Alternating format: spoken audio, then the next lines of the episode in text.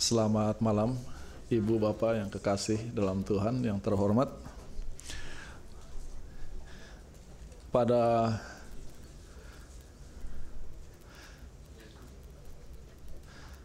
malam ini saya akan kembali mengecewakan Anda. Kalau tadi malam kekecewaannya adalah kita tidak ada acara tanya jawab oleh karena komputer saya punya problem. Malam ini kekecewaannya ada acara tapi bukan acara tanya jawab tetapi hanya acara jawab. Apa yang terjadi? Salah satu pertanyaan yang ditanyakan dalam acara tanya jawab adalah mengapa kelihatannya dengan berjalannya waktu gereja Advent seperti berubah di dalam menafsirkan nubuatan? Dibanding ketika Bapak yang bertanya berkuliah mengambil kelas Daniel dan Wahyu beberapa puluh tahun yang lalu. Lalu dijelaskan lebih jauh, salah satu contohnya adalah mengenai angka 666 Vicarius Filidae dulu ditekankan sekarang seperti kurang saya akan mencoba menjawab pertanyaan tersebut dan jawabannya panjang sekali. Itulah sebabnya kita tidak punya waktu untuk pertanyaan lain. Itulah saya malam ini hanya acara jawab bukan tanya jawab. Apa yang akan saya sampaikan saya sendiri sebetulnya merasa kurang nyaman oleh karena akan kedengaran aneh di telinga banyak orang tetapi apa boleh buat sering kali dalam hidup kita harus mengambil resiko salah satu penyebab mengapa kelihatannya gereja Advent berubah di dalam membahas nubuatan adalah tentang cara membuat uh, cara membaca nubuatan. Dulu ketika gereja Advent berdiri pendekatan di dalam membaca nubuatan uh, tentu Alkitab banyak dibaca tetapi banyak porsi ditempatkan kepada sejarah di dalam menafsirkan nubuatan. Dengan berjalannya waktu, gereja kita lebih banyak mendalami Alkitab. Dan setelah baca Alkitab lebih banyak, didapati bahwa ada hal-hal di Alkitab yang perlu lebih ditekankan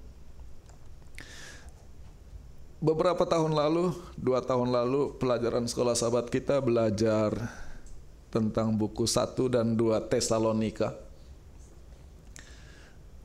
Penulis pelajaran ini adalah orang yang namanya John Paulin. Untuk saat ini, dia adalah ahli buku wahyu terkemuka yang dimiliki oleh gereja Advent yang sedang hidup. Dan Selain buku Wahyu dia juga banyak menafsirkan uh, bicara nubuat. Jadi dia salah satu tokoh di gereja Advent sekarang ini.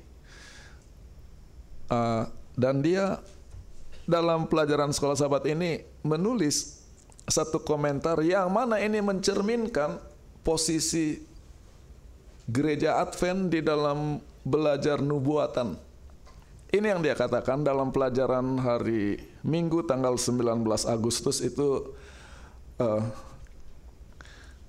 sedang pelajaran uh, mereka yang mati dalam Kristus tentang kebangkitan di surat Satu Tesalonika saya rasa. Oh, dua Tesalonika. Ketika kita berpikir tentang nubuatan, kita harus ingat bahwa fungsi nubuatan bukan ingat untuk memuaskan keinginan tahu kita tentang waktu dan detail dari hal-hal akhir zaman. Jadi fungsi nubuatan bukan memuaskan keinginan tahu kita. Nubuatan mempunyai tujuan etik dan moral, yaitu memperbaiki cara orang hidup. Tahun 40-an di Australia ada seorang pendeta Advent yang namanya Louis Weir. Dia menulis buku judulnya The Moral Purpose of Prophecy. Yaitu di dalam belajar nubuatan tujuannya adalah supaya kehidupan moral kita lebih baik.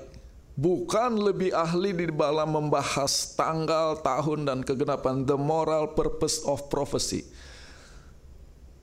Di saat itu gereja Advent dalam membaca nubuatan sangat kuat dengan kegenapan-kegenapan dan about timing and details. Maka ketika dia menyampaikan hal ini bahwa belajar nubuatan adalah untuk membuat kita menjadi orang yang lebih baik, lebih percaya dan setia kepada Tuhan, ajarannya dianggap menyimpang. Bahkan dia sampai diberhentikan dari pendeta Advent. Oleh karena dia mengatakan bahwa tujuan belajar nubuatan adalah untuk memperbaiki kita secara etik dan moral. Dan dia bilang, ini benar, ini benar. Tetapi nanti dengan berlalunya waktu ternyata dia yang benar dan sekarang tren gereja Advent adalah nubuatan mempunyai tujuan untuk memperbaiki etik dan moral seseorang.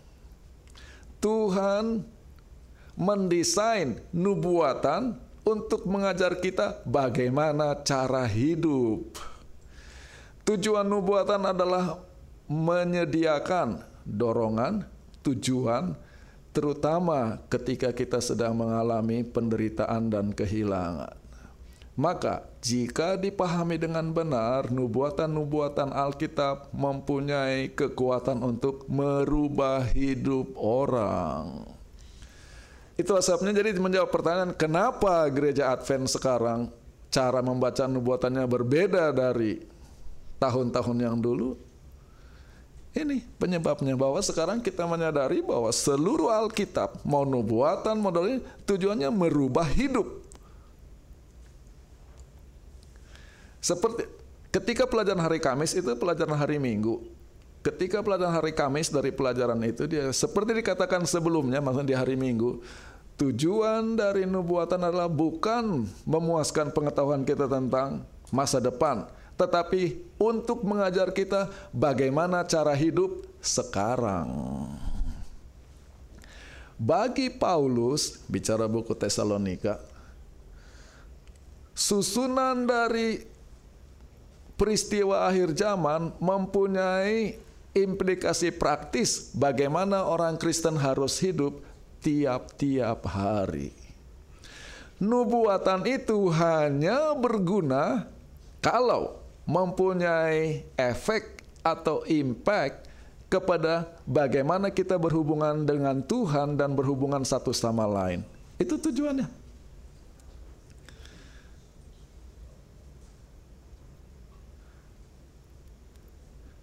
Kenapa tiba-tiba ada orang-orang yang belum pernah saya lihat sebelumnya?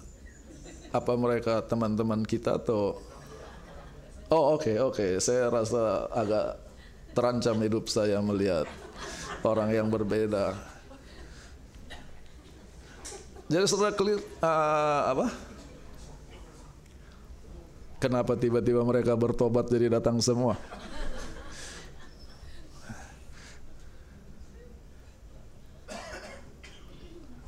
Ya, jadi ini jawabannya.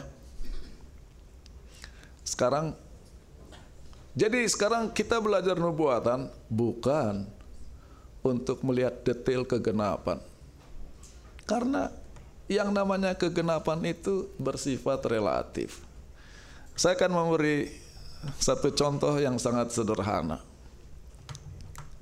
Ketika saya sekolah jurusan kependetaan di Universitas Advent Indonesia tahun 83 mungkin. Salah satu kelas yang saya harus ambil sebagai mahasiswa jurusan kependetaan adalah kelas sejarah gereja Advent. Dan textbooknya uh, judulnya Light Bearers to the Remnant. A History of the Seventh Day Adventist Church. Bukunya tebal jadi seperti jadi waktu kita bawa buku itu ke kelas orang jurusan bisnis tertawa kamu ngerti nggak baca apa? Dan mungkin oh, oke okay, saya nggak perlu komentar itu cerita lain. Oke okay. sekarang di dalam buku ini dibahas di halaman 168 salah satu pasal nubuatan yang gereja Advent atau orang Advent sangat perhatikan adalah Wahyu 13. Binatang yang keluar dari laut, binatang yang keluar dari darat dengan segala perbuatan ajaibnya. Lalu diterang, ini saya hanya kutip buku ini ya.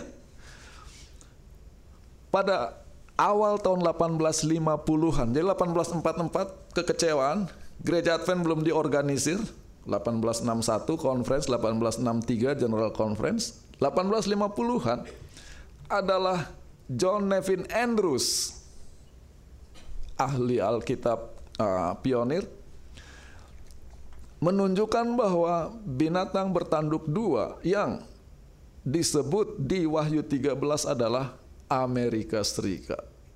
Kan? Sampai sekarang kita melihat Amerika dalam nubuatan yang mana katanya diterima dan dengan campuran antara kekaguman dan ketakutan tapi juga antisipasi orang Advent melihat bagaimana Amerika mulai dibangun. Apa buktinya? Mereka melihat bahwa tanda binatang. Oh, ya, patung binatang dengan tanda dari binatang itu sudah mulai digenapi. Apa tanda-tanda kegenapannya? Karena mereka melihat rel kereta api sudah dibangun ke seluruh Amerika. Jadi lihat rel kereta api mereka lihat kegenapan akhir zaman. Berapa banyak dari saudara sekarang lihat rel kereta api melihat sebagai kegenapan akhir zaman? Munculnya mesin uap. Sekarang nggak ada yang pakai mesin uap, tapi zaman itu seperti kegenapan nubuatan yang hebat sekali. Dan di Wahyu 13 16 tetapi lebih populer populer 666 dan begitu mendengar 666 kita mengingat Vicarius Filidei sebagai kegenapan 666 dan itu uh, adalah kalimat di mahkota dan seterusnya. Sudah tahu hal itu dengan sangat baik.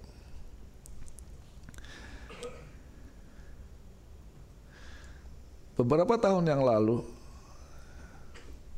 mungkin 20 tahun yang lalu,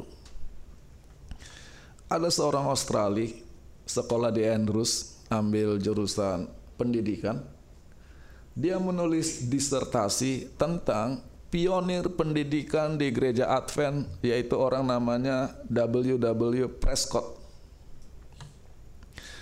Orang ini ketika masuk Advent, dia tamatan sekolah yang sangat bergengsi di Amerika, tapi saya mungkin tidak pernah dengar namanya Dartmouth College, itu selevel dengan Harvard dan sebagainya. Dan dia bekerja sebagai uh, wartawan, terutama jadi editor Jadi dia orang yang berpikiran luas, berpendidikan sangat baik. Nanti setelah jadi Advent dia sangat kritis orangnya sampai sering kali tidak cocok dengan pendeta-pendeta. Oh, lalu buku, uh, lalu disertasinya itu dibukukan. Uh, Gilbert Valentine penulis buku ini untuk waktu yang cukup lama dia kerja di college kita di Thailand. Saya tidak tahu dia pernah jalan-jalan ke sini, tapi saudara nggak tahu bahwa dia orang penting. Sekarang dia sudah pindah ke La Sierra dan dia punya disertasi unik. Dia menunjukkan bagaimana cara Prescott kerja. Salah satu ilustrasi dari usaha pen, usaha pendidikan yang dilakukan oleh Prescott sampai dia dicap sebagai troublemaker, tukang bikin kacau dan dicurigai sebagai orang yang murtad oleh gereja Advent karena sehubungan dengan tafsiran angka 666 di Wahyu 13 ayat 18. Ini saya cuma baca buku ini halaman 317.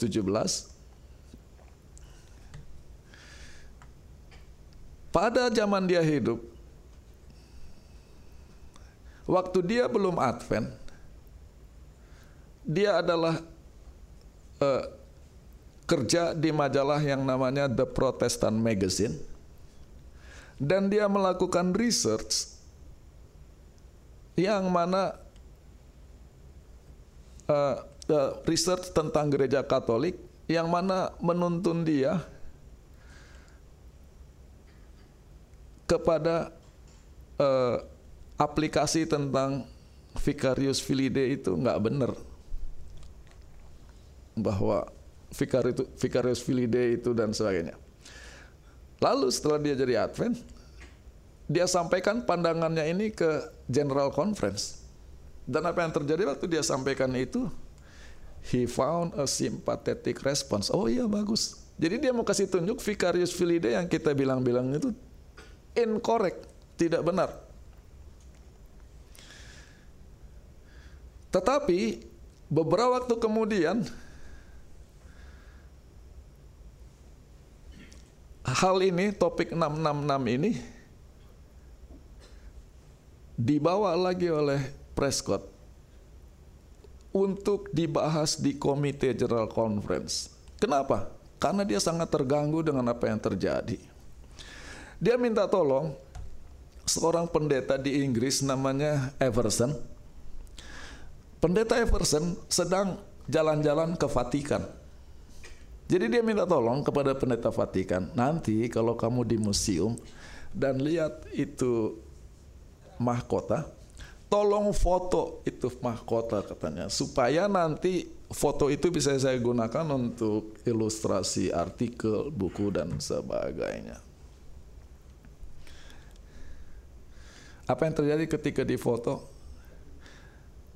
Kalimat Vicarius Filide tidak ada di mahkota itu. Jadi mahkotanya kosong. Nggak kan kita selalu bilang di di mahkota ada tulisan Vicarius nggak ada mahkotanya kosong.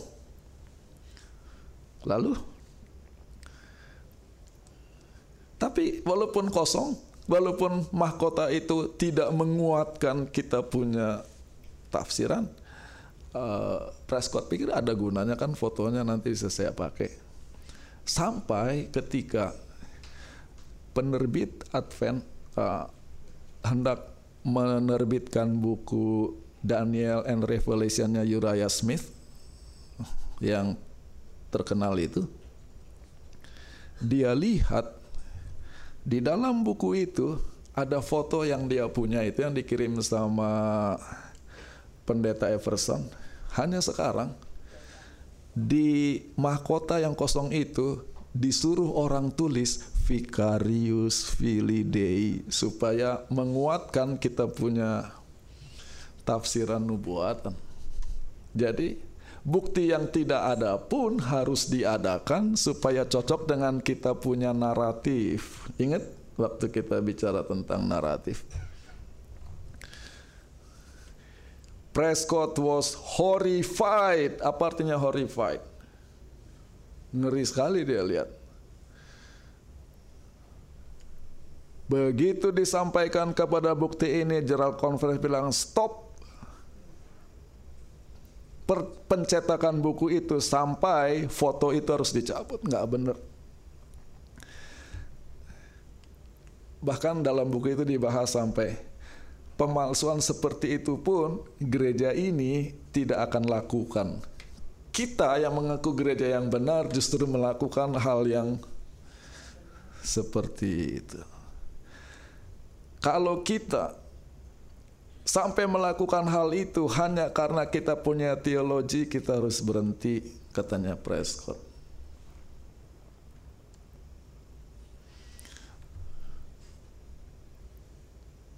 Insiden itu tidak jadi lama tidak di uh, apa uh, tidak muncul lagi tidak diperbincangkan orang. Sampai tahun 1935 muncul lagi. Kali ini ada orang namanya Francis Nicole. Dia adalah kemudian hari editor Bible Commentary Advent yang warna hijau itu. Dia waktu itu editor majalah Present Truth yang mana dia menulis artikel tentang Vicarius Filidae dan dia punya artikel diprotes oleh majalah The Sunday Visitor yaitu majalahnya gereja Katolik. Yaitu mereka bilang nggak ada dalam kita punya mahkota itu tulisan Vicarius Filidae. Dan bahkan majalah Visitor itu Sunday Visitor menuduh gereja Advent tidak jujur dan menggunakan metode uh, dan mereka bisa mengatakan kalau memang mau main hitung-hitungan kita juga bisa hitung. Lalu mereka hitung Ellen Goldhart White juga angkanya 666 katanya. Jadi jadi saling hitung angka ini. Lalu mendapati situasi seperti ini Nicole minta tolong sama Prescott Tolong kasih saya bukti, tolong kasih saya jawaban. Lalu Prescott cuma jawab, kita nggak punya bukti. Kita tidak punya bukti.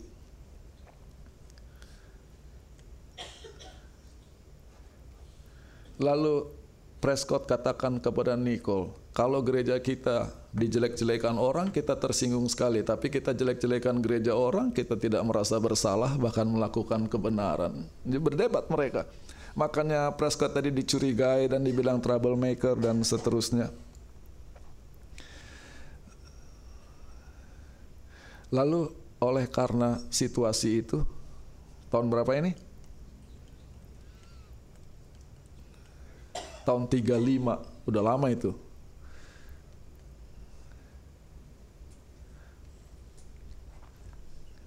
dia menghadap lagi Komite General Conference.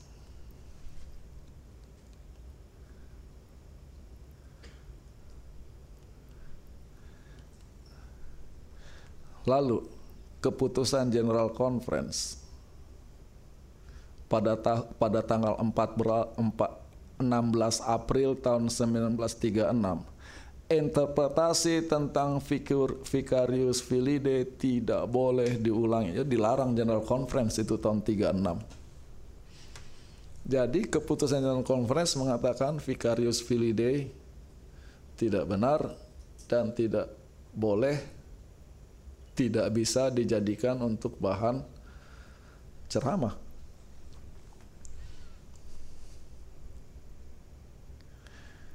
Walaupun ada keputusan itu, very few ever heard anything about the decision. Keputusan itu hanya sedikit sekali karena nggak populer dengan naratif kita, nggak cocok dengan naratif kita.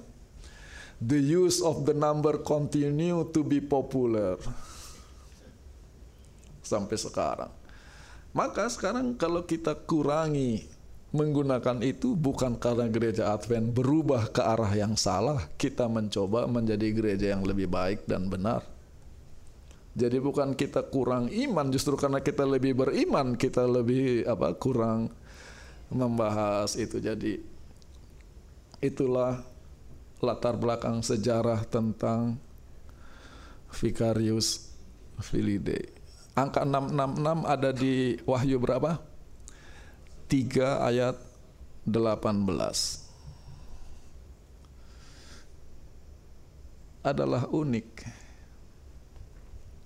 itu bukan ciptaan gereja Advent. Menurut uh, Leroy Ed Edwin Froome, uh, sejarawan Advent yang menulis buku The Prophetic Faith of Our Father, itu tafsiran itu diperkenalkan oleh orang yang namanya Andreas Helwig yang hidup tahun 1572.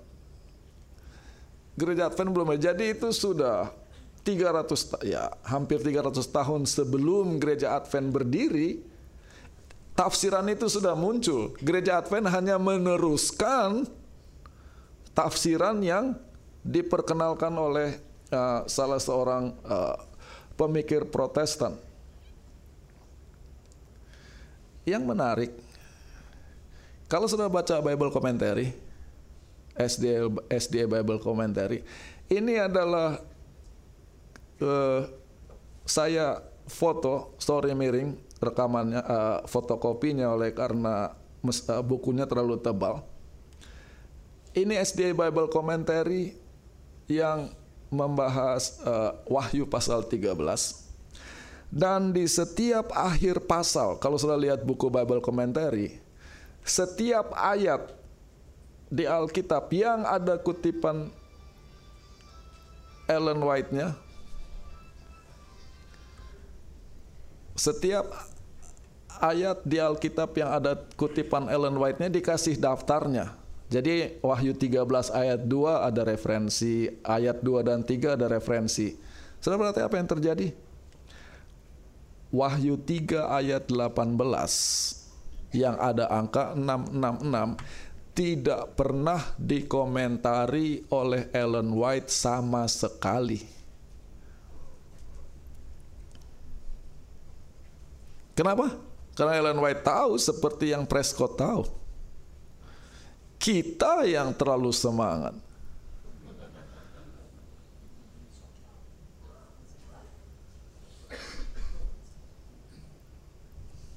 Ellen White comments. Saya minta maaf sudah mengecewakan.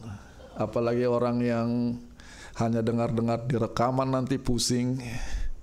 Tapi ada saatnya di mana hal yang sebenarnya perlu diberitahu dan sering when you don't like the news don't kill the news bearer ini saya hanya mengutip saya hanya menunjukkan apa yang sedang terjadi. Pertanyaannya kenapa Ellen White tidak pernah mengomentari itu karena dia adalah seorang yang sangat bijaksana maka sekarang kita masuk ke satu hal yang lebih penting lagi. Ini adalah kutipan dari buku The Great Controversy halaman 447 sampai nanti halaman berikutnya 48. Dalam buku itu Ellen White menulis, Gereja Katolik mengakui bahwa perubahan hari Sabat dilakukan oleh gereja mereka. Okay? Dan bahwa gereja Protestan yang tetap memelihara hari Minggu secara tidak langsung mengakui kekuasaan gereja Katolik. Oke. Itu kutipan di buku apa? The Great Controversy.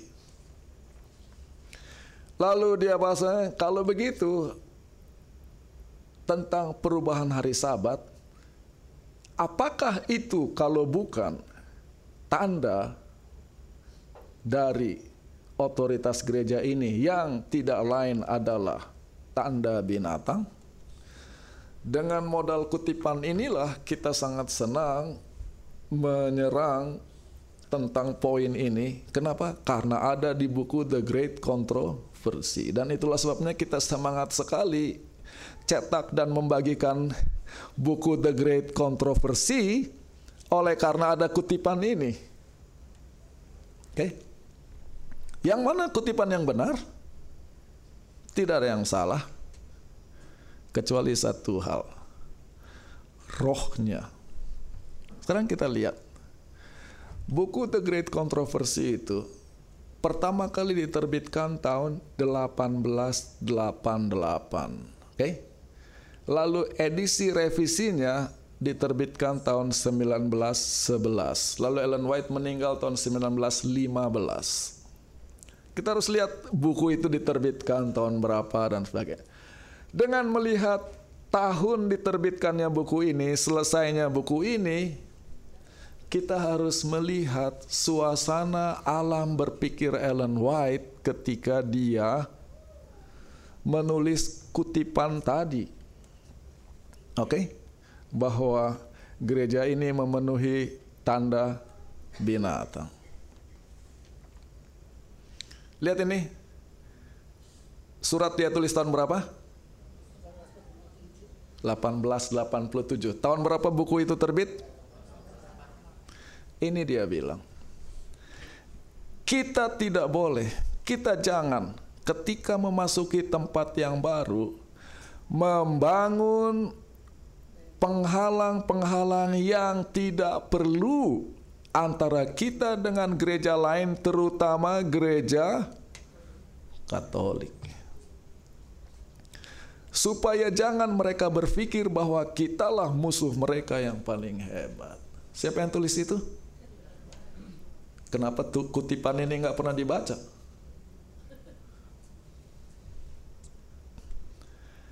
Kita jangan ciptakan prejudis dalam pikiran mereka tanpa perlu dengan cara serang-serang mereka. Ada banyak di dalam gereja itu orang yang hidup sesuai dengan terang yang mereka miliki jauh lebih baik dari mereka yang mengakui sebagai umat Tuhan. Hmm. Alangkah positifnya kata-kata dia tentang kita harus balance baca Ellen White. Baru satu sama kan? Dia bilang gereja itu tanda binatang, dia bilang jangan ini. Baru satu sama. Tahun berapa? 1887, letter 39. Hati-hatilah dalam bekerja, saudara-saudara. Jangan menciptakan prejudis terlalu kuat Jangan kita pergi dengan tujuan menyerang menyerang gereja lain. Karena itu hanya menciptakan sifat saling menyerang, menutup telinga dan hati terhadap kebenaran. Kita punya kebenaran, tapi kalau cara kita menyampaikannya serang-serang orang, orang nggak mau dengar katanya. Terus terus terus terus terus ada bahaya pendeta-pendeta kita bicara terlalu banyak tentang ada banyak jiwa-jiwa di dalam gereja ini yang sebetulnya sangat berminat terhadap kita sebagai umat, tetapi kekuasaan imam dalam pikiran mereka terlalu besar jadi mereka nggak naratif mereka beda. Mereka nggak siap kata Ellen White. Jadi kita harus hati-hati jangan bikin mereka yang tidak siap karena naratifnya. Kalau saya bicara naratif, saudara mengerti saya bicara apa kan? Naratifnya beda, jadi jangan dipersalahkan mereka. Saudara-saudaraku, saya rasa sakit ketika saya lihat terlalu banyak serangan yang dibuat terhadap khotbahkan kebenaran tetapi tahan kata-kata yang menunjukkan sifat yang kasar karena kata-kata sebagai tidak menolong menerangi siapa pun. Dulu kita punya majalah Echo. Majalah Echo itu harus jadi majalah yang punya sirkulasi luas. Jangan melakukan apa pun yang menghalangi penjualannya. Tidak ada alasan kenapa majalah ini tidak bisa menjadi terang di tempat yang gelap. Tetapi Tolong demi Yesus, demi Tuhan, perhatikanlah nasihat. Jangan membuat komentar-komentar negatif tentang tahun 1896 dia tulis ini. Adalah benar kita harus nyaringkanlah suaramu, jangan tahan-tahan seperti trompet. Kabarkanlah kepada umatku pemberontakan mereka, bongkar dosa uh, Yakub. Yesaya 58 ayat 1. Dengan modal ini kita sering senang sekali bongkar-bongkar dosa orang. Oke? Okay? Sementara pekabaran ini harus disampaikan kita harus hati-hati, jangan menyerang, menyerbu, mempersalahkan mereka yang tidak punya terang seperti yang kita punya. Kalau mereka beribadah hari lain karena terang mereka beda dari terang kita. Kita punya terang lebih jauh. Jangan persalahkan orang yang terangnya beda. Kita tidak janganlah kita keluar dan mem, apa, melakukan serangan-serangan yang keras terhadap gereja ini. Karena di tengah-tengah gereja ini ada banyak orang yang berjalan menurut terang yang mereka miliki dan Tuhan sedang bekerja bagi mereka. What do you think? Satu kutipan di buku The Great Controversy dan diulang-ulang tahun 1909 diulang-ulanginya nasihat cara kerja. Yang ini tidak pernah diperhatikan modal yang satu itu. Jadi kalau wah pendeta yang apalagi kalau makin tinggi sekolahnya sudah semakin lembek khotbahnya. Sudah kurang benar. No we just justru kita sekarang coba lebih setia terhadap nasihat-nasihat ini. Jadi bagaimana pendapat saudara kalau ya nanti kita bisa kita apa? Download lalu saudara mau kutipan ini dan ya, tapi baca sendiri jangan langsung bagi-bagi sama orang uh, Iya jadi kalau jadi ini menjawab pertanyaan kenapa sepertinya dengan berjalannya waktu gereja kita sudah berubah dalam membahas nubuatan sudah tidak seberani dulu. Bukan masalah berani atau takut ini. Kita sedang mengikuti nasihat hamba Tuhan. Satu kutipan keras, sepuluh kutipan yang menasehati, yang menasehati dibuang, satu yang keras dibikin besar sekali. Jadi itulah saya katakan malam ini acaranya acara jawab karena jawaban untuk pertanyaan itu panjang sekali. Mudah-mudahan jawaban ini bisa menjadi penolong bagi saudara-saudara. Wah sudah jam 8.15 saya harus khotbah jadi mari kita ya mari kita mulai dengan acara kita. Ada acara lain lagi? Silakan.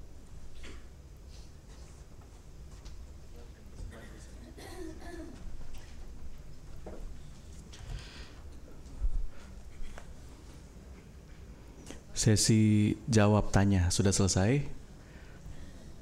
Untuk satu pertanyaan dari Bapak Edislat, tadi ditanya Sir sudah ada belum supaya untuk dijawab pertanyaan itu. Kita akan memberikan persembahan. Setelah itu lagu spesial dari Tumoto Youth Choral. Mari kita siapkan persembahan kita. Para diakon akan mempersiapkan semua. Sebelum itu mari kita berdoa. Bapa kami yang ada di dalam kerajaan surga, kami percaya dengan segala kerendahan hati, Tuhan akan mengaruniakan kepada kami hikmat kebijaksanaan untuk menjadi orang Kristen yang ideal. Namun kami memiliki keterbatasan oleh karena ada banyak pikiran dalam hidup kami, yang tidak sejalan dengan kehendak Tuhan. Oleh karena itu, berikan kepada kami kemampuan untuk menjalankan kehidupan yang lebih baik setiap hari. Teristimewa ketika kami membawakan persembahan syukur kami malam hari ini.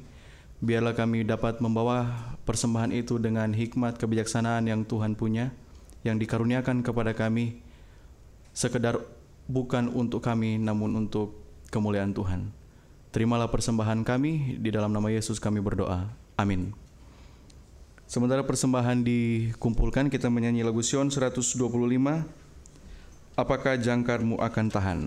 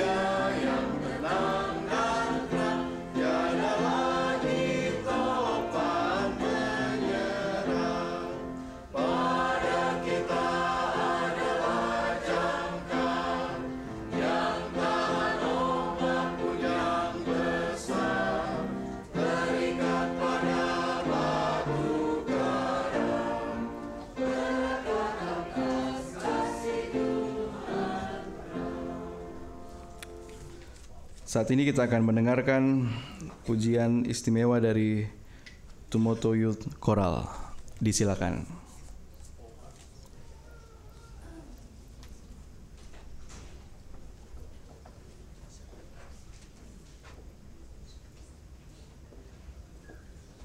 Pikir menyampaikan kebenaran, ternyata saya salah-salah terus. Contohnya saya heran kenapa tiba-tiba orang muda gereja Tumoto tiba-tiba datang malam ini. Saya kira mereka bertobat, ternyata mereka mau nyanyi. Dan terima kasih untuk nyanyian yang begitu merdu. Kalau tahu kita suruh mereka menyanyi setiap malam supaya gereja kita kelihatan penuh seperti ini. Yang kedua, saya membuat kesalahan tadi malam. Itulah saya punya problem kalau bicara suka kurang berpikir. Harusnya orang pikir dulu baru bicara. Ini sudah bicara baru pikir dan hasilnya menyesal. Saya katakan bahwa sering kali Tuhan itu iseng dan usil. Bagi sebagian orang itu ngeri sekali mendengar kalimat itu. Kesalahan saya bukan mengucapkan kata-kata itu Kesalahan saya adalah saya lupa saudara tidak tahu bahwa Tuhan seperti itu.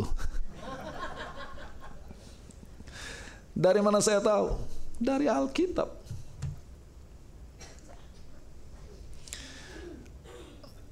Di malam pembukaan saya katakan kita katakan bahwa salah satu background yang paling penting yang penting dalam mengerti buku Wahyu adalah buku Mazmur. Coba baca Mazmur 2. Mengapa rusuh bangsa-bangsa? Ini Mazmur 2 ayat 1 sampai 3. Mengapa suku-suku bangsa mereka-reka perkara yang sia-sia? Raja-raja dunia bersiap-siap dan para pembesar bermufakat bersama-sama melawan Tuhan dan yang diurapinya. Ini mereka katakan, marilah kita memutuskan belenggu-belenggu mereka dan membuang tali-tali mereka pada kita. Membaca Mazmur 2 ayat 1 sampai 3 itu ehonya ada di Wahyu 16 Mengapa rusuh bangsa-bangsa, suku-suku bangsa, raja-raja dunia, para pembesar bersiap semuanya melawan Tuhan. Wahyu 16 ayat 14 itulah roh-roh setan yang mengadakan perbuatan ajaib dan mereka pergi mendapatkan raja-raja seluruh dunia untuk mengumpulkan mereka guna peperangan pada hari besar yaitu hari Allah yang maha kuasa. Lalu ia mengumpulkan mereka di satu tempat yang dalam bahasa Ibrani disebut Armageddon.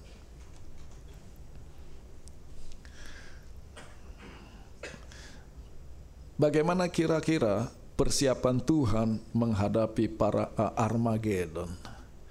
Ketika seluruh raja-raja dunia, seluruh jenderal dunia yang paling jago berkumpul melawan dia. Ayat 4. Melihat seluruh dunia berkumpul melawan Tuhan, dia yang bersemayam di sorga tertawa. Tuhan mengolok-olok mereka. Itulah respon Tuhan melihat seluruh dunia berkumpul. Bagaimana cara Tuhan menghadap, menghadapi Armageddon? Cuma ketawa dia. Apa yang dilakukan Tuhan? Mengolok-olok. Cuma ketawa mengolok-olok. Itulah saya, saya bilang Tuhan itu iseng dan usil. Ada ayat di Alkitab dia ingat siapa kita ini, yaitu siapa? Debu. Mau sehebat-hebatnya Hitler, ah, tenaga nuklir di mata Tuhan itu cuma apa? Kita yang takut sekali dengan Armageddon, Tuhan cuma ketawa dan mengolok-olok.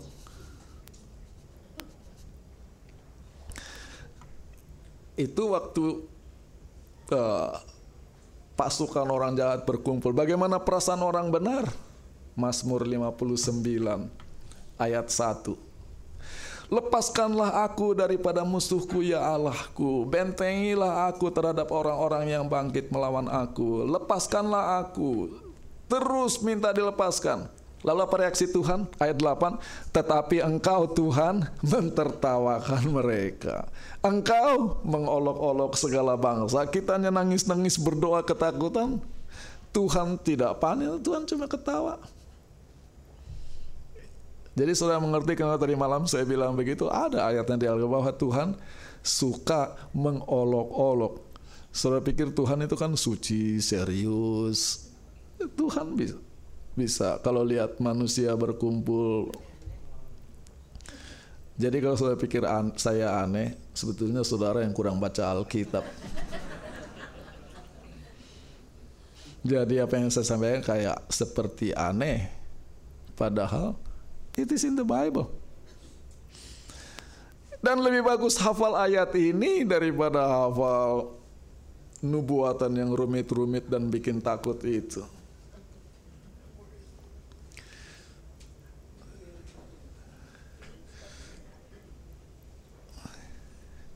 Alkitab dimulai dengan cerita penciptaan. Dan cerita penciptaan bukan hanya mau menceritakan asal-usul dunia ini. Ada prinsip yang sangat penting yang hendak disampaikan oleh cerita penciptaan, yaitu apa yang disebut the concept of chaos and order. Chaos adalah suatu situasi di mana kacau balau, kosong. Itulah keadaan dunia sebelum penciptaan. Adapun bumi itu tidak berbentuk, gelap dan kosong. Itulah chaos. Selesai penciptaan apa yang terjadi? Bumi belum berbentuk, kosong dan gelap gulita. Masuk Tuhan, divine intervention. Kalau kita mau lihat struktur cerita penciptaan adalah dunia dalam keadaan tidak berbentuk, kosong dan gelap.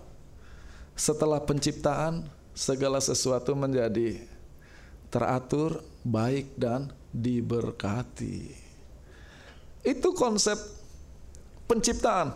Jadi bukan yang penting evolusi dunia diciptakan. Konsepnya dari kekacau balauan menjadi keteraturan, dari kosong menjadi diberkati.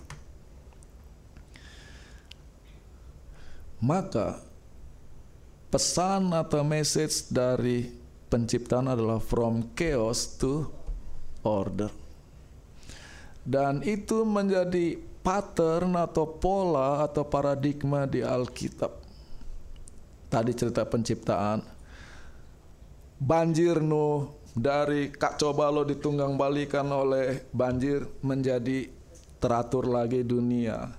Kekacauan ketika orang Israel uh, menjadi budak di Mesir menjadi orang merdeka. Kekacauan pembuangan pembunuhan tadi malam kita bahas buku Yeremia begitu stres mereka pembuangan bisa pulang from chaos to order. Dari yang kacau menjadi teratur kembali itu yang Tuhan lakukan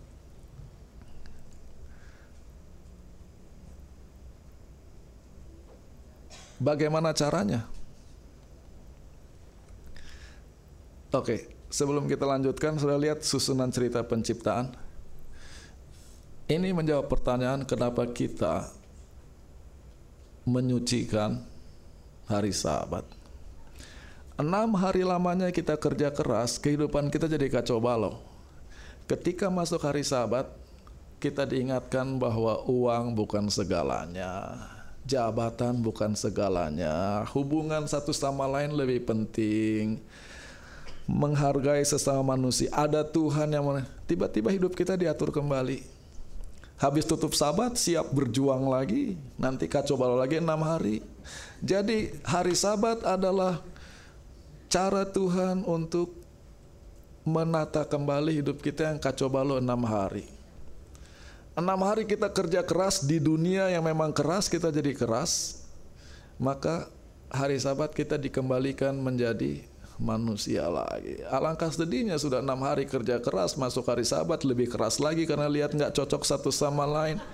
Sementara mengaku gereja yang benar, pemelihara hari sabat, berkat sabatnya mana? from chaos to order. Bagaimana dan sekarang cerita penciptaan adalah cerita tentang separation, pemisahan. Tadinya gelap, sekarang dipisahkan gelap dari terang. Tadinya bumi campur baur, dipisahkan air di atas jadi air di bawah. Tadinya air di mana-mana dipisahkan antara daratan dari air. Proses pemisahan. Hidup orang kacau karena tidak tidak sanggup atau tidak bisa memisahkan. Tidak tahu membedakan.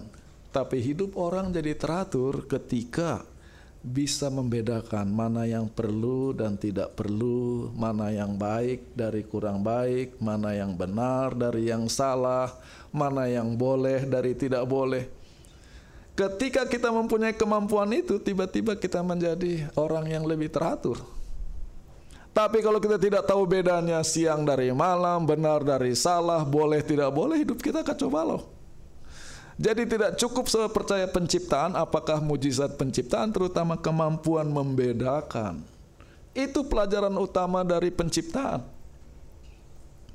Itu artinya memelihara hari sabat sebagai hari kebat. Diingatkan untuk bisa membedakan. Proses penciptaan adalah proses separation. Yang kita tahu cuma bisa, oh kita Advent itu orang luar. Itu aja pemisahan yang kita tahu. Setelah itu nggak tahu yang lain lagi ada pemisahan-pemisahan yang jauh lebih perlu. Itulah saya makanan pun harus tahu mana yang makanan dan mana yang bukan. Pertanyaannya bukan mana yang boleh dan tidak boleh, mana makanan dan mana yang bukan. Saudara lihat besi selera atau tidak? Tidak, karena saudara tahu itu bukan makanan.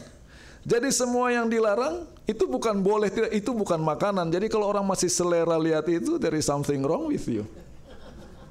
Karena itu bukan makanan. bukan makanan yang tidak boleh itu ciptaan kita istilahnya. Bisa membedakan. Itulah sebabnya di Daniel 2 ayat 21 Tuhan memberi hikmat kepada orang bijaksana, pengetahuan kepada orang yang berpengertian. Kata understanding di sini katanya adalah bina. Bahasa Ibrani-nya dari bain artinya between. Apa between antara orang yang bijaksana adalah orang yang bisa melihat between di antara bisa membedakan antara benar dari salah, baik dari tidak baik, boleh dari tidak boleh. Sadarkah saudara bahwa itu kutuk dosa yang terbesar bukan kematian. Kutuk dosa yang terbesar adalah campur baur. Itulah sebabnya nama buahnya apa? Pengetahuan baik dan jahat. Sebelum makan buah itu, manusia tahu mana yang baik, mana yang jahat. Setelah makan itu, sudah nggak ada lagi, nggak tahu bedanya lagi. Baik dan jahat jadi campur baur, dan kita hidup jadi sangat mengerikan. Di setiap kebaikan ada unsur kejahatannya, di setiap kejahatan ada unsur kebaikannya, dan itu yang membuat hidup itu membingungkan. Baik, bagus sekali itu pendeta khotbah, itu kebaikan. Tapi kan supaya dia populer, supaya dia bangga, itu unsur kejahatannya kan. Jadi antara kebaikan dan kejahatan jadi satu paket. Kita nggak bisa membedakan orang ini khotbah bagus-bagus karena mau menjadi berkat atau sedang cari nama. Dunia di mana kita hidup sudah campur baur antara kebaikan dan itu mengerikan ada orang mencuri ketangkap. Jahat itu. Tapi ternyata mau kasih sekolah anaknya. Itu kan baik. Antara kebaikan dengan kejahatan menjadi tercampur. Kenapa orang korupsi? Mau bikin senang istri. Mau bikin bangga mertua. Baik kan itu. Lihat kita hidup campur baur, kosong, gelap, dan fungsi penciptaan adalah kemampuan untuk memisahkan itu lagi. Itulah hikmat dan pengertian. Bukan gelarnya apa, sekolah ke mana. Biar saudara sekolah keliling-keliling kalau tidak tahu baik dari jahat, benar dari salah, nggak per, nggak ada guna jungkir balik sekolah. Jadi paradigma Alkitab adalah dari kacau menjadi teratur. Dan tadi kita lihat bahwa bumi sebelum penciptaan berada dalam situasi yang campur baur, kacau balau, dan gelap. Dan setelah Tuhan masuk, istilahnya divine intervention, Tuhan masuk penciptaan, semua menjadi teratur. Dan fungsi Ka'bah adalah juga proses from chaos to order. Masalah dosa bagaimana Tuhan pulihkan menjadi pulih kembali suci. Ada ikatan yang erat antara bumi, uh, kemah, suci di padang belantara dan Ka'bah Sulaiman. Saya tidak punya waktu, saudara juga nggak ngerti kalau saya terangkan. Uh, I'm sorry, ya saya suka, ya saya minta maaf kalau saya nggak. Ini yang saya maksud. Dan saya juga nggak ngerti waktu itu orang ngomong apa, jadi saya nggak. Ada seorang uh, ahli Alkitab, dia lihat bahwa di buku Keluaran setengah uh, the later part setengah yang terakhir dari buku buku keluaran yang pertama adalah keluarnya orang Israel dari Mesir yang setengah berikutnya bicara tentang pembangunan Ka'bah mereka lihat bahwa proses instruksi pembangunan Ka'bah di buku keluaran mengikuti pola enam hari penciptaan.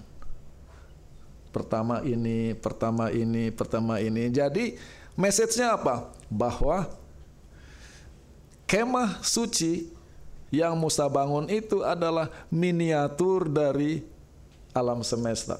Sebagaimana penciptaan dunia di kejadian satu, inilah pembangunan kemah suci di buku keluaran. Message-nya bahwa kemah suci itu adalah mikrokosmos atau miniatur dari alam semesta.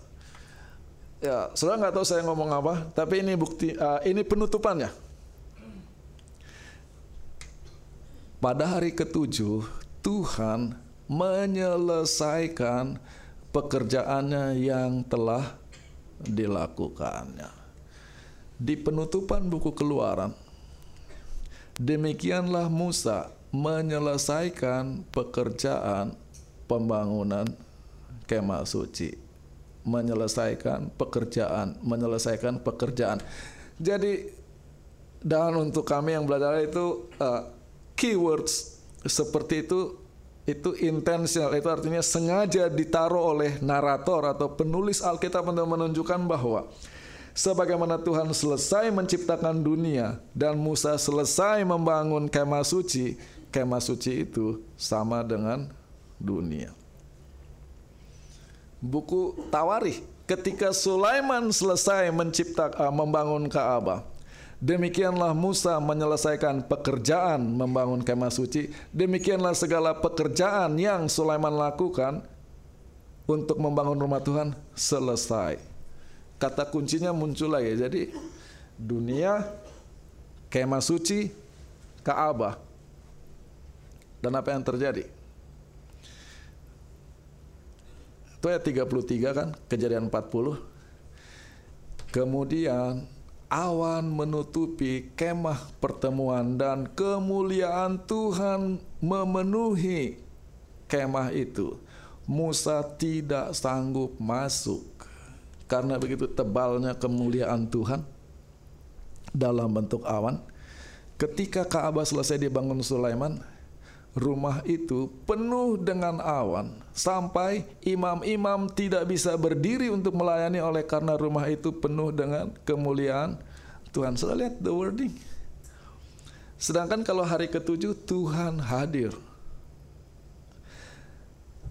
Kesimpulan kehadiran Tuhan, kemuliaan Allah itu ada di bumi pada hari ketujuh ketika Tuhan selesai membangun dunia, menciptakan dunia ketika kemah selesai, ketika Ka'bah selesai, maka Ka'bah adalah mikrokosm, miniatur dari seluruh alam es, uh, semesta. Ini paradigma cara berpikir orang Ibrani. Maka ketika Ka'bah dipulihkan, dibersihkan, artinya seluruh dunia sedang dibersihkan. Nah, dan itu merupakan lambang terhadap apa yang terjadi di sorga. Di mana dosa mulai. Maka dosa harus diselesaikan di sorga bukan di dunia. Dunia ini cuma akibat dari dosa yang Itulah sebabnya waktu itu ada pertanyaan, kenapa persoalannya di dunia kok Ka'bah yang dibersihkan di sorga? Karena yang di dunia itu cuma akibat, akarnya di sana jadi harus diselesaikan di sana. Itulah sebabnya Ka'bah di sorga perlu dibersihkan karena dosa berasal dari sana. That simple. Saya mau kasih tunjuk. Saya mau kasih tunjuk bahwa doktrin Ka'bah sangat penting dalam membaca nubuatan karena tujuan tujuan nubuatan adalah from chaos to order dari ke kacau baluan mau dalam bentuk perang, penyakit, gempa bumi dan segala macam doktrin sesat segala macam akan diselesaikan ketika Tuhan datang. Order seperti penciptaan.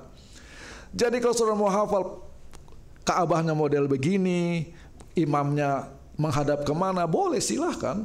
Tidak ada yang salah. Tapi you miss the main point from chaos to uh, tujuan second coming adalah to put everything in order dan kebaktian di Kaabah satu tahun sekali hari grafirat adalah to put the earth in order tapi akan digenapi lebih sepenuhnya ketika kedatangan Tuhan yang kedua kali. Itu aja. Detil-detilnya ya silahkan belajar sendiri. Saya cuma kasih paradigmanya. Maka kehadiran Tuhan ketika situasi kacau balau menjadi teratur, jam berapa saya harus berhenti? Oke, nggak sampai jam 10 saya sudah akan berhenti. Kita akan baca Mazmur 46.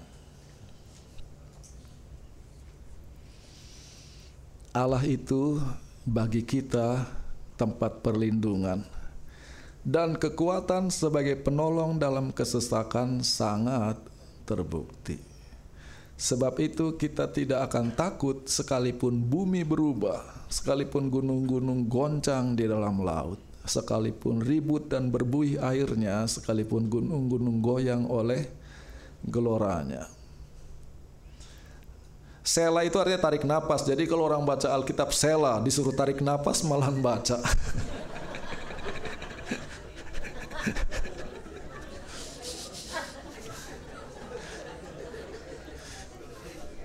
Maka saya selalu senyum kalau orang baca bersahutan. Sela rame-rame. Orang disuruh nafas. Jadi sama aja, bacalah nafas, nafas ikut baca. Oke. Okay. Kota Allah, kediaman yang maha tinggi disukakan oleh aliran-aliran sebuah sungai. Lihat dari lautan bergelora, dari goncang semua tiba-tiba ketenangan sebuah sungai from chaos to order. Allah ada di dalamnya. Kota itu tidak akan goncang. Allah akan menolongnya menjelang pagi. Itulah sebabnya kita katakan menanti pagi yang cerah. Karena kedatangan Tuhan itu pagi. Jadi jangan tunggu Tuhan siang-siang udah terlambat. Oke, itu cerita. Bangsa-bangsa ribut, kerajaan-kerajaan goncang, apa yang Tuhan lakukan ketika terjadi Armageddon? Ia memperdengarkan suaranya, bumi pun hancur. Jadi ribut-ribut Tuhan jawab, hancur dunia. Kita kira hebat itu akhir zaman. Well, makanya jangan langsung lompat buku wahyu, baca dulu Mazmur. Tuhan ketawa, Tuhan mengolok-olok, Tuhan cuma kasih dengar suara, semua selesai. Tuhan kita itu maha agung dan maha besar. Ketika kita mengecilkan Tuhan, maka semua problem jadi besar. Dan kita senang problem kan? Filsafat hidup kita, kalau bisa dibikin rumit, kenapa disederhanakan? Termasuk nubuatan-nubuatan kita. Cara membaca nubuatan. Tuhan semesta alam menyertai kita. Kota benteng kita ialah Allah Yakub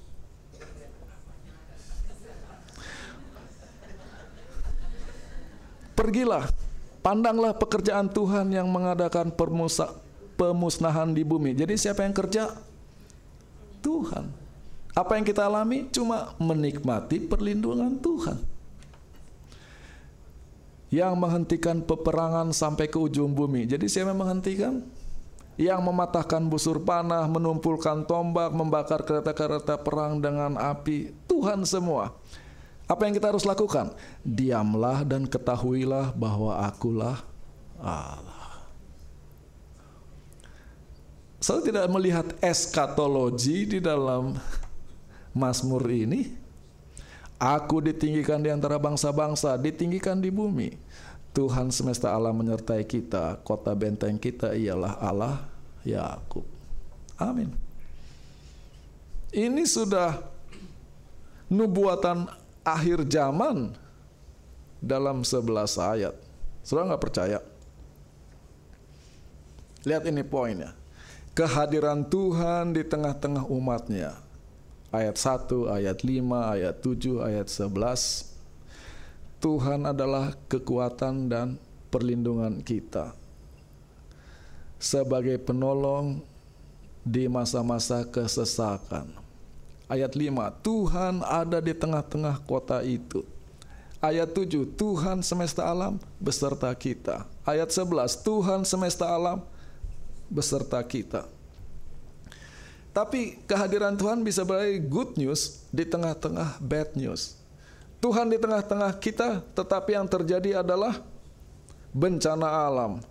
Tuhan beserta kita, tetapi bangsa-bangsa uh, mengamuk.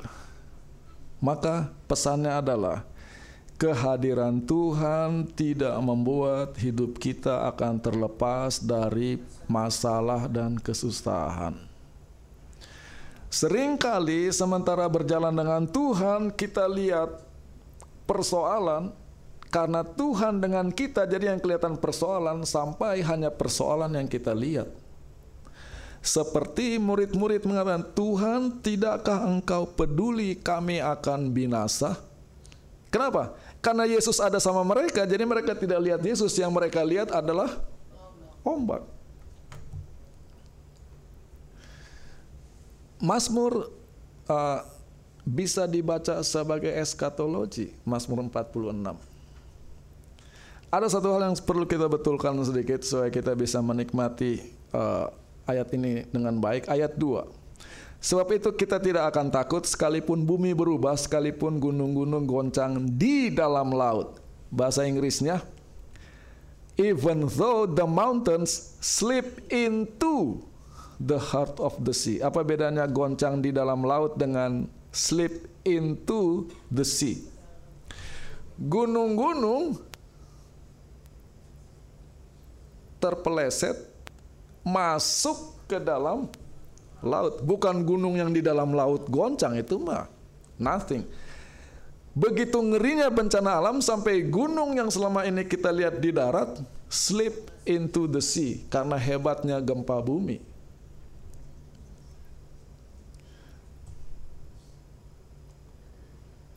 Wahyu 16 Dan malaikat yang ketujuh menumpahkan cawannya ke angkasa Dan dari dalam bait suci kedengaran suara yang nyaring Dan dari tahta itu katanya Sudahlah genap Dan semua pulau hilang lenyap Tidak ditemukan lagi gunung-gunung Kenapa? They slip into the sea Hujan es besar jatuh dari langit menimpa manusia. Manusia menghujat Allah sebab malapetaka itu sangat dahsyat. Bangsa-bangsa murka, Mazmur 46. Bangsa-bangsa ribut, kerajaan-kerajaan goncang. Lalu waktu bangsa-bangsa goncang, apa yang Tuhan bikin? Ia memperdengarkan suaranya dan bumi pun hancur. Pandanglah Tuhan yang mengadakan pemusnahan diri, menghentikan peperangan sampai ke ujung bumi, from chaos to order. Lalu setelah perang Armageddon, apa yang terjadi? Sorga. Kota Allah, kediaman yang maha tinggi disukakan oleh aliran-aliran sebuah sungai. Kemudian Yehezkiel 47, kemudian ia membawa aku kembali ke pintu bait suci dan sungguh ada air keluar dari bawah ambang pintu bait suci itu dan mengalir menuju ke timur. Nanti diulangi di Wahyu pasal 21. Ini sungai kehidupan. Dari Mazmur 46, Yehezkiel 47, Mazmur 21 diulang-ulangi itu uh, gambaran yang sama. Kota Allah, kediaman yang maha tinggi, disukakan oleh aliran-aliran sebuah sungai. Allah ada dalamnya, kota itu tidak akan goncang, walaupun seluruh bumi goncang. Allah akan menolongnya when morning dawns, ketika fajar mereka. Itulah sebabnya masa kepicikan sebelum kedatangan Tuhan itu disebut masa kepicikan Yakub karena Yakub takut besoknya mau ketemu sama Esau. Kenapa dia takut? Karena dia tahu dia tipu Esau, jadi mau berdoa sama Tuhan takut karena dia penipu. Tapi kalau nggak berdoa juga, bagaimana mau dilindungi? Dia diancam dari luar, mau minta sama Tuhan merasa tidak layak. Itulah sebabnya bingung dia. Kalau dia benar, mau diancam Esau yang Tuhan, lindungilah aku karena aku orang benar. Dia orang berdosa mau minta perlindungan sama Tuhan. That is Jacob's trouble. Tetapi ketika besok paginya mereka ketemu apa yang terjadi? Peluk-pelukan. Kenapa? Tuhan yang bekerja. Dan itu dibuat lebih besar lagi. Selalu ibarat jadi pergumulannya bagaikan gelapnya malam dan Tuhan menyelamatkan pagi. Jadi sering kali kita baca selalu bicara eskatologi yaitu ilmu akhir zaman, study of the last thing.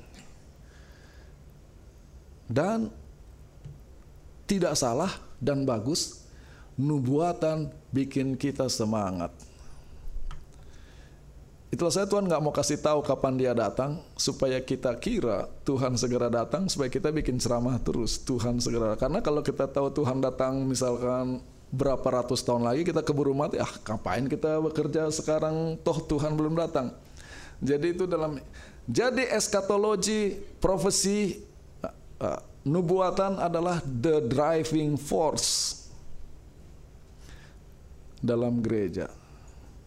Tetapi pada saat yang sama minimal ada tiga sikap negatif tentang eskatologi, tentang nubuatan. Yang per, yang pertama adalah tidak peduli, ah untuk apa? Yang kedua, setiap belajar nubuatan adalah date setting, tanggal begini, tanggal begini, tanggal begini, tanggal begini. Karena. Yang ketiga adalah kalau Tuhan belum datang itu karena salah kita. Jadi kita rasa bersalah itu juga tidak sehat.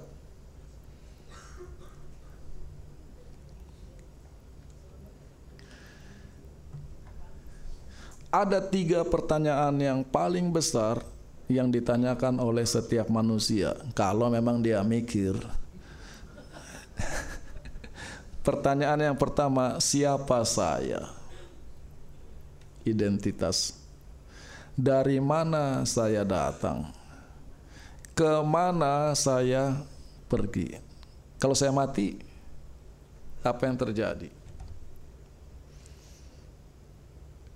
Dan manusia selalu di ini kan oleh siapa saya sekarang, ditentukan oleh masa lalu, dari mana saya datang dan ke mana saya pergi Sadarkah saudara bahwa doktrin gereja Advent dibangun untuk menjawab identitas tersebut?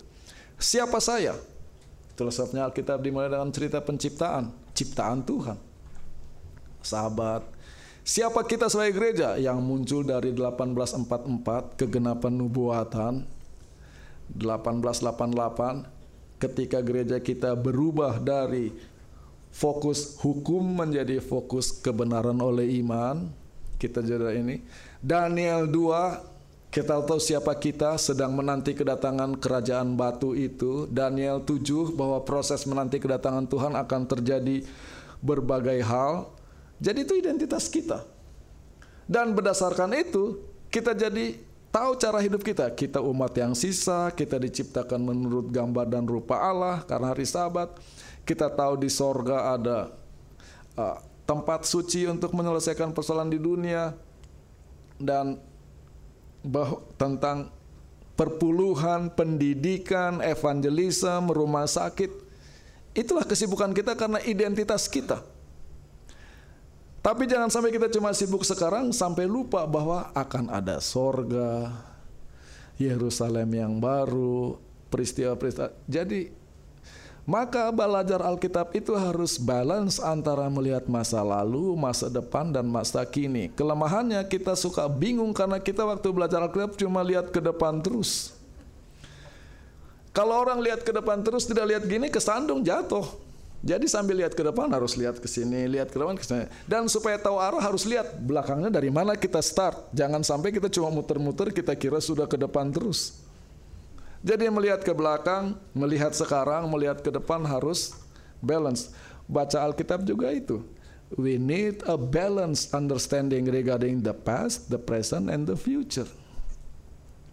Ketika segala sesuatu tentang masa depan, kita hidup tidak dalam keadaan kenyataan sekarang. Ketika kita terlalu hidup sibuk sekarang, kita lupa akan masa depan. Kalau kita jalan maju ke depan lihat ke belakang terus, kita akan kesandung dan minimal leher jadi pegel. Saudara nggak percaya? Pernah dengar orang namanya Mr. Hancock, pendeta Hancock? Jalan-jalan ke Unai, dia ada di Unai sekarang. Ini cerita tahun 70-an. Waktu itu yang punya mobil hanya misionari orang Amerika. Mr. Hancock punya mobil, ketika dia sampai Lembang, mau ke Unai, mobilnya punya problem yaitu yang jalan cuma mundurnya. Nggak bisa maju cuma bisa mundur. Dasar Mr. Hancock orang Amerika.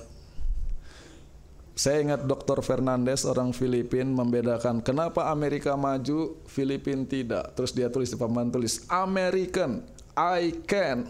Filipino no. Jadi kalau orang Amerika disuruh oh yes I can. Kalau orang Filipina disuruh no no no. Itu sebenarnya katanya Filipin sama Amerika beda Orang Amerika, I can. Mobil tidak bisa maju, cuma bisa mundur. Padahal dia mau mengajar jam 1, apa yang dia bikin? Dari Lembang dia setir mobilnya mundur sampai Unai. Belum selesai ceritanya. Sampai di rumah lehernya nggak bisa lihat ke depan.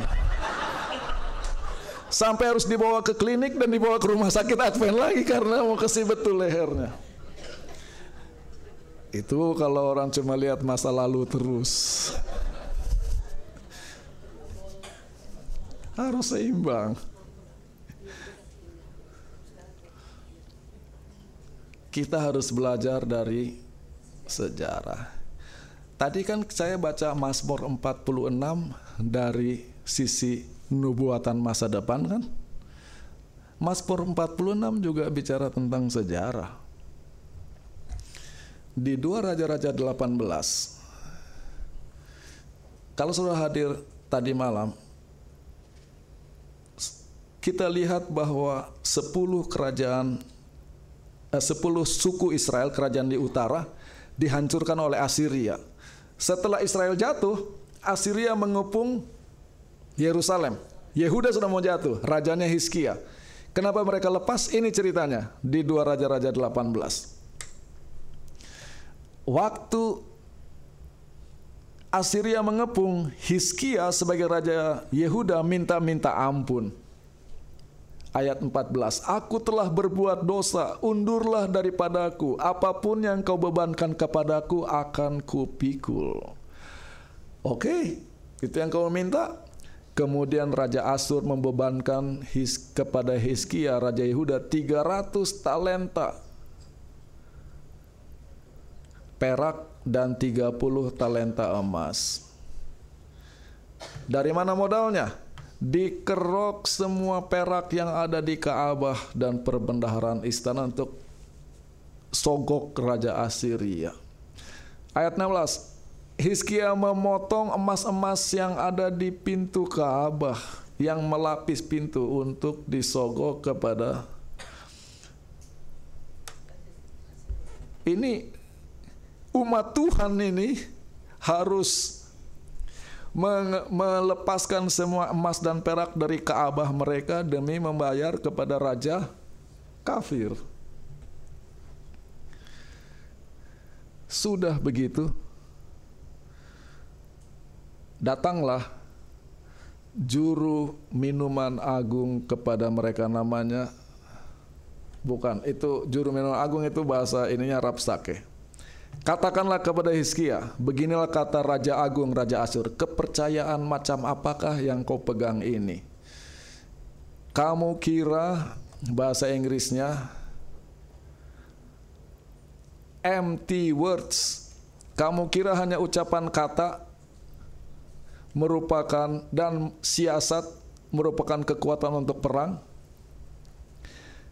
Kepada siapa engkau berharap maka engkau memberontak terhadap aku?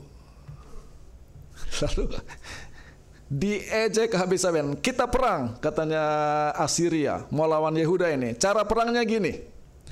Aku akan memberi 2000 ekor kuda kepadamu jika engkau sanggup memberikan kepada orang-orang yang bisa mengendarainya. Jadi mau perang. Assyria lawan Yehuda. Assyria bilang, nih saya kasih kuda 2000. Ada nggak tentara Israel yang bisa naik kuda?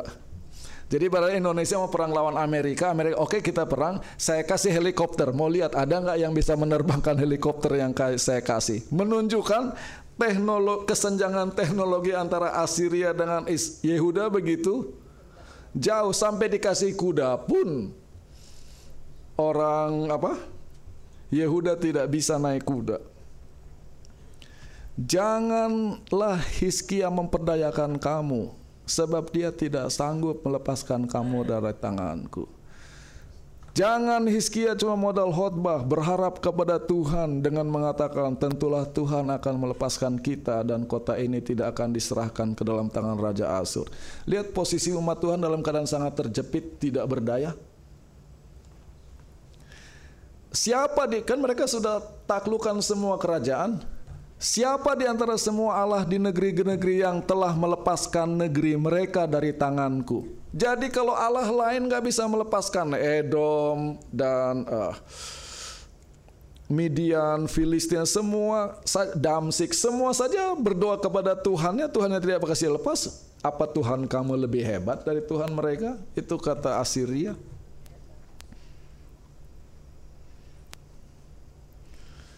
Lalu apa yang terjadi? Pada malam itu keluarlah malaikat Tuhan lalu dibunuhnya lah 185 ribu orang dari perkemahan Asyur. Pagi-pagi waktu orang Yehuda yang stres dikepung dan tidak bisa bikin apa-apa, mereka lihat semua tentara itu sudah jadi apa?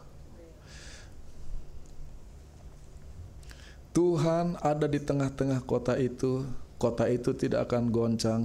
Tuhan akan menyelamatnya ketika fajar. Itulah saya kita sebut pagi yang cerah. Malamnya kita stres, paginya lihat mana itu yang tadi malam menakutkan kita kira kita mati ternyata kita hidup. Lalu mereka bilang apa? Siapa yang seperti Tuhan? Mikael. Jadi saya lihat ini kejadian yang dialami oleh Yehuda. Mereka survive dari Assyria nanti 100 tahun kemudian mereka kalah oleh Babylon. Tetapi pengalaman kelepasan dalam sejarah merupakan prototipe untuk kelepasan di akhir zaman. Antara sejarah dengan nubuatan harus jalan. Modal kita menghadapi nubuatan di masa depan adalah pemeliharaan Tuhan di masa lalu. Nah, jadi sudah lihat masa lalu, sudah lihat masa depan, sekarang bikin apa?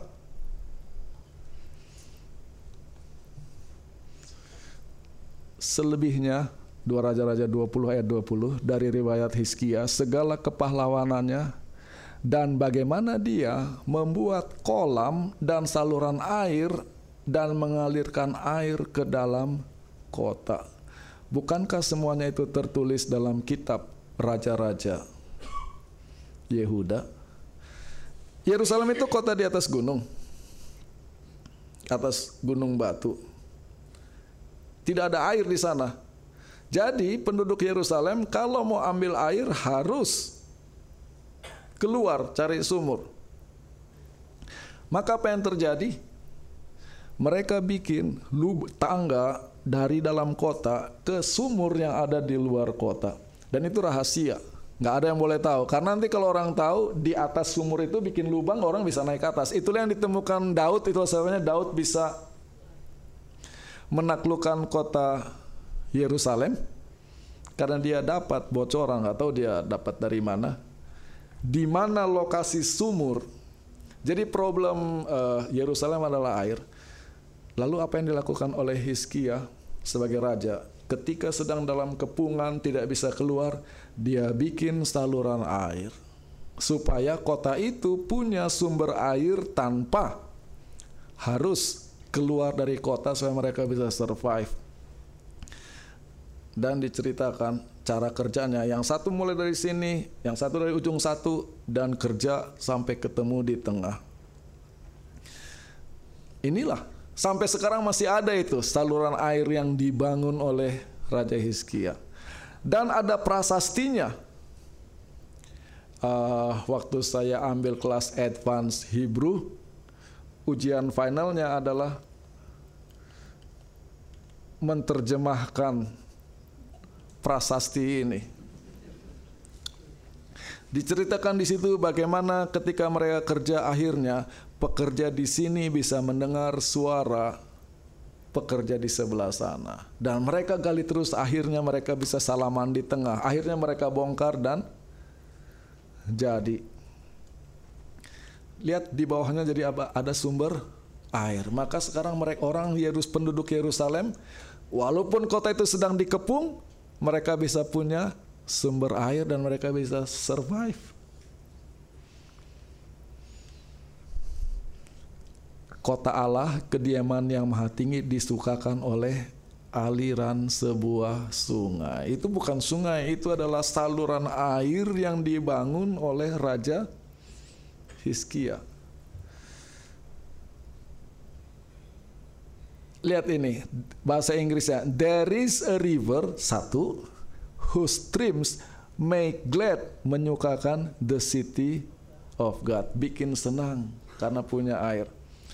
Selebihnya dari riwayat kepahlawanan Hizkia, bagaimana ia membuat kolam dan saluran air dan mengalirkan air itu ke dalam kota. Apa yang dimaksud di sini? Di tengah-tengah ketakutan, gantinya cuma berdoa-berdoa, Hizkia sibuk. Tetapi di tengah-tengah kesibukan dia berserah kepada Allah dan menyerahkan segala sesuatu ke dalam tangan Tuhan. Di tengah segala penyerahan dia kreatif menyelesaikan masalah. Tetapi pada saat yang sama dia menunggu kelepasan dari Tuhan. Saya bisa lihat connect connect connectivity, connect nggak tahu bahasa Inggrisnya bahasa Indonesia apa. Ah, hubungan yang erat antara masa lalu masa kini dan masa depan. Kita harus belajar nubuatan supaya punya arah masa depan bahwa Tuhan yang akan menyelesaikan segala kekacauan di atas dunia ini from chaos to order. Tetapi sementara itu kita sibuk melakukan yang terbaik yang bisa kita lakukan seperti Raja Hizkia. Kenapa kita sibuk? Karena kita ingat bahwa Tuhan beserta dengan kita. Itulah belajar nubuatan yang balance Sejarah masa lalu memberi jaminan pemeliharaan Tuhan di masa depan. Ingat bahwa masa depan ada di tangan Tuhan, tetapi sekarang kita melakukan apa yang terbaik bisa kita lakukan bagi Tuhan. Mari kita berdoa. Tuhan Bapa di sorga, acara pendalaman Alkitab yang tadinya hanya merupakan angan-angan, kerinduan, berubah menjadi rencana, sekarang sudah menjadi masa lalu. Kami sudah selesai. Sebagaimana Tuhan mengizinkan acara ini terlaksana dengan berkatmu, oleh kebaikanmu. Kiranya apa yang kami pelajari, apa yang kami dengar, apa yang kami lihat, di dalam acara pendalaman ini akan menjadikan kami lebih mengerti akan cara bekerja Tuhan. Membuat kami lebih hati-hati dan pada saat yang sama lebih teliti dalam belajar Alkitab. Supaya di dalam semua ayat, di dalam semua peristiwa yang kami lihat adalah kebesaran Tuhan. Sekarang kami akan pulang, kiranya Tuhan memberkati masing-masing kami dan firman Tuhan ini akan menghangatkan hati kami, menyegarkan kami, dan meneguhkan kami di dalam Tuhan. Dalam nama Yesus kami berdoa. Amin. Terima kasih.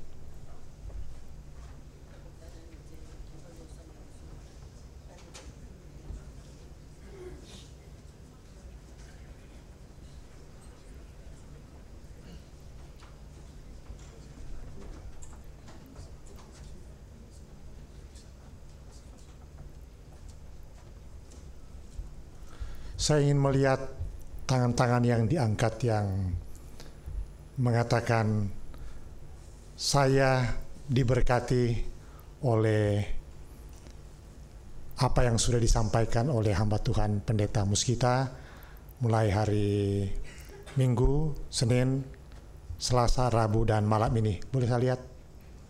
Puji Tuhan. Beberapa bulan yang lalu menjelang pertengahan tahun di dalam rencana tahunan jemaat Tumoto Imperium kami sudah membuat rencana dan salah satu rencana kerja bahwa akan ada seminar kebangunan rohani yang akan disampaikan oleh cucu atau uh, cece dari uh, Mrs. Ellen White ya, diadakan persiapan-persiapan sampai pada hari-hari terakhir menjelang tanggal itu tiba ada berita yang merubah rencana itu karena sesudah kabar itu tersebar maka ada yang mengambil alih saya kira dari uni ya, dan conference. Maka kami ikut dengan rencana yang berubah. Tapi kemudian beberapa saat kemudian saudara ketua Michael Mengowal dia memberikan informasi bahwa pendeta Muskita yang sebenarnya sebelumnya dua bulan yang lalu juga datang ke Jakarta dengan tujuan di Manado. Kami bersama-sama beliau beberapa hari lamanya di sana mengatakan bahwa akan ada cuti bersama keluarganya datang ke Jakarta. Ini kita punya salah satu ketua ini sangat uh, piawai dalam mengatur acara-acara uh, seperti itu sehingga dalam waktu singkat dikontak dan terjadi. Dan seperti doa dari pendeta tadi, sekarang ini ini sudah jadi masa lalu. Tapi tentunya kita bersyukur kepada Tuhan. Kami juga harus berterima kasih kepada saudara ketua Michael Mangowal yang mengusulkan dan mengatur sehingga jadi dan saat ini kami atas nama jemaat Tumoto yang pada akhirnya atas saran dari Ketua Michael Mangwal juga menghubungi Tumoto Pondok Indah yang berkomitmen untuk paling sedikit mereka hadir dan mengambil bagian dua malam untuk menyediakan apa yang bisa kita nikmati mulai tadi malam dan sampai malam ini berupa hidangan santapan yang kita sudah nikmati dan mungkin ada yang menikmati sebentar lagi. Jadi kita puji Tuhan karena saya secara pribadi juga merasa sangat diberkati, dikenyangkan dengan apa yang sudah disampaikan dan saya kira ini mewakili seluruh yang sudah hadir baik Jemaat Tumoto Imperium, Pondok Indah dan tamu-tamu yang lain dari beberapa jemaat.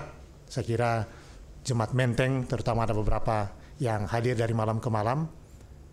Puji Tuhan untuk semuanya apa yang sudah terjadi. Mari sementara kita sibuk dengan kegiatan kita masa kini, kita melihat ke belakang, kita melihat ke depan, kita menyeimbangkan apa yang perlu kita lakukan sebagaimana apa yang sudah disampaikan oleh hamba Tuhan Pendeta Muskita. Jadi terima kasih untuk pelayanan yang sangat-sangat bermanfaat yang memberikan kekuatan kepada semua yang sudah hadir dan kami melihat bahwa semuanya terjadi karena Tuhan dan Tuhan saja yang dimuliakan. Terima kasih dan khusus buat pendeta Muskita sampai kita ketemu pada sesi berikut yang tidak tahu kapan nanti akan diatur kemudian. Ya. Terima kasih.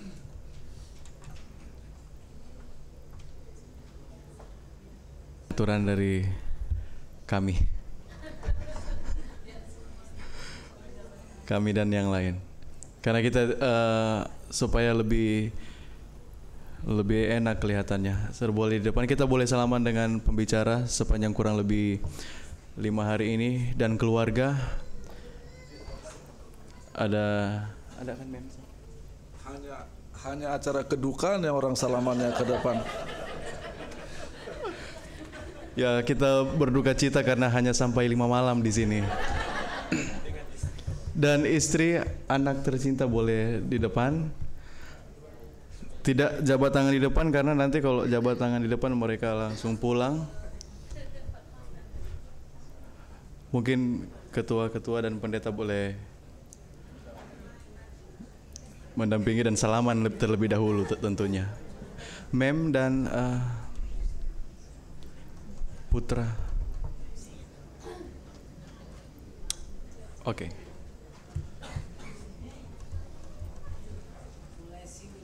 Ya. Jadi jangan chaos, kita teratur ya. Kita teratur. Sudah belajar kita jadi kita salaman dengan teratur.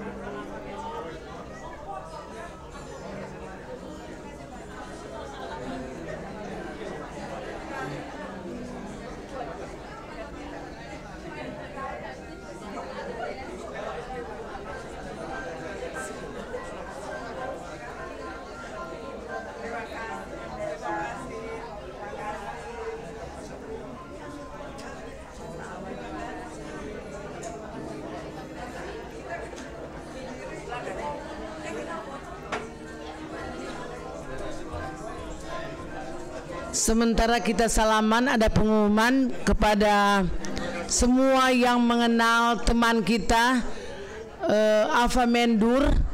Ada acara pelepasan dari Pondok Kopi Jalan Arabika 8 Blok AD 6 nomor 8 dekat kuburan Pondok Kelapa.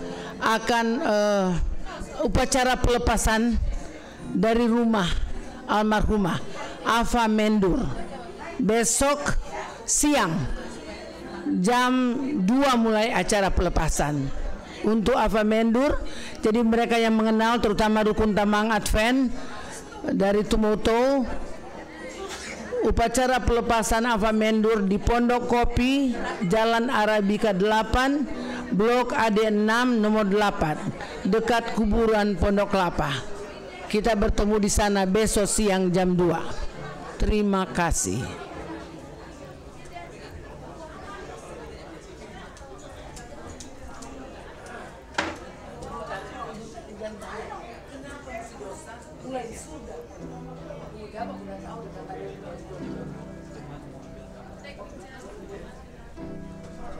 Saudara-saudara yang masih hadir, boleh kita ambil gambar bersama dengan pendeta mus kita. Saudara-saudara, jemaat yang hadir, mari kita langsung ke depan semua untuk kita ambil gambar dengan pendeta mus kita. Ini tanda supaya pendeta mus kita akan datang kembali.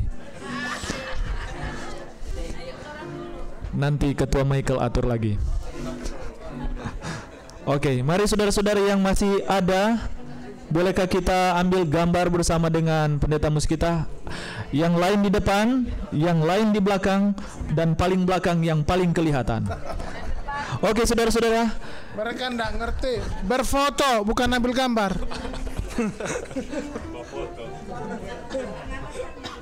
Mari saudara-saudara yang ada di belakang, mari kita berfoto. Berfoto dia. Berselfie dia.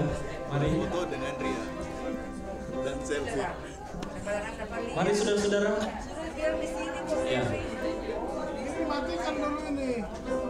Tidak, bagus, lebih terang, lebih terang, lebih terang. Biar kelihatan siapa yang ganteng kan. Itulah Mari saudara-saudara yang masih jelly. Eh, yang resmi yang mana ya? Michael. Ini tempat perempuan. Kau sudah bilang sendiri. Jangan jadi chaos. Yang pakai kaos sudah boleh. Jadi jangan bilang-bilang lagi ya 666 ya. Salah.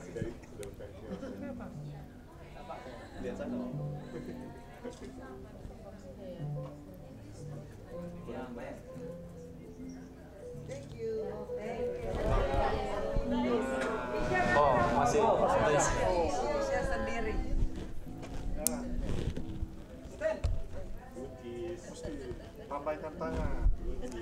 Gaya bebas sekarang. Welcome back. Welcome back.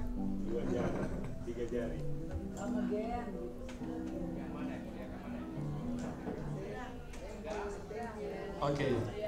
Terima kasih dan terima kasih.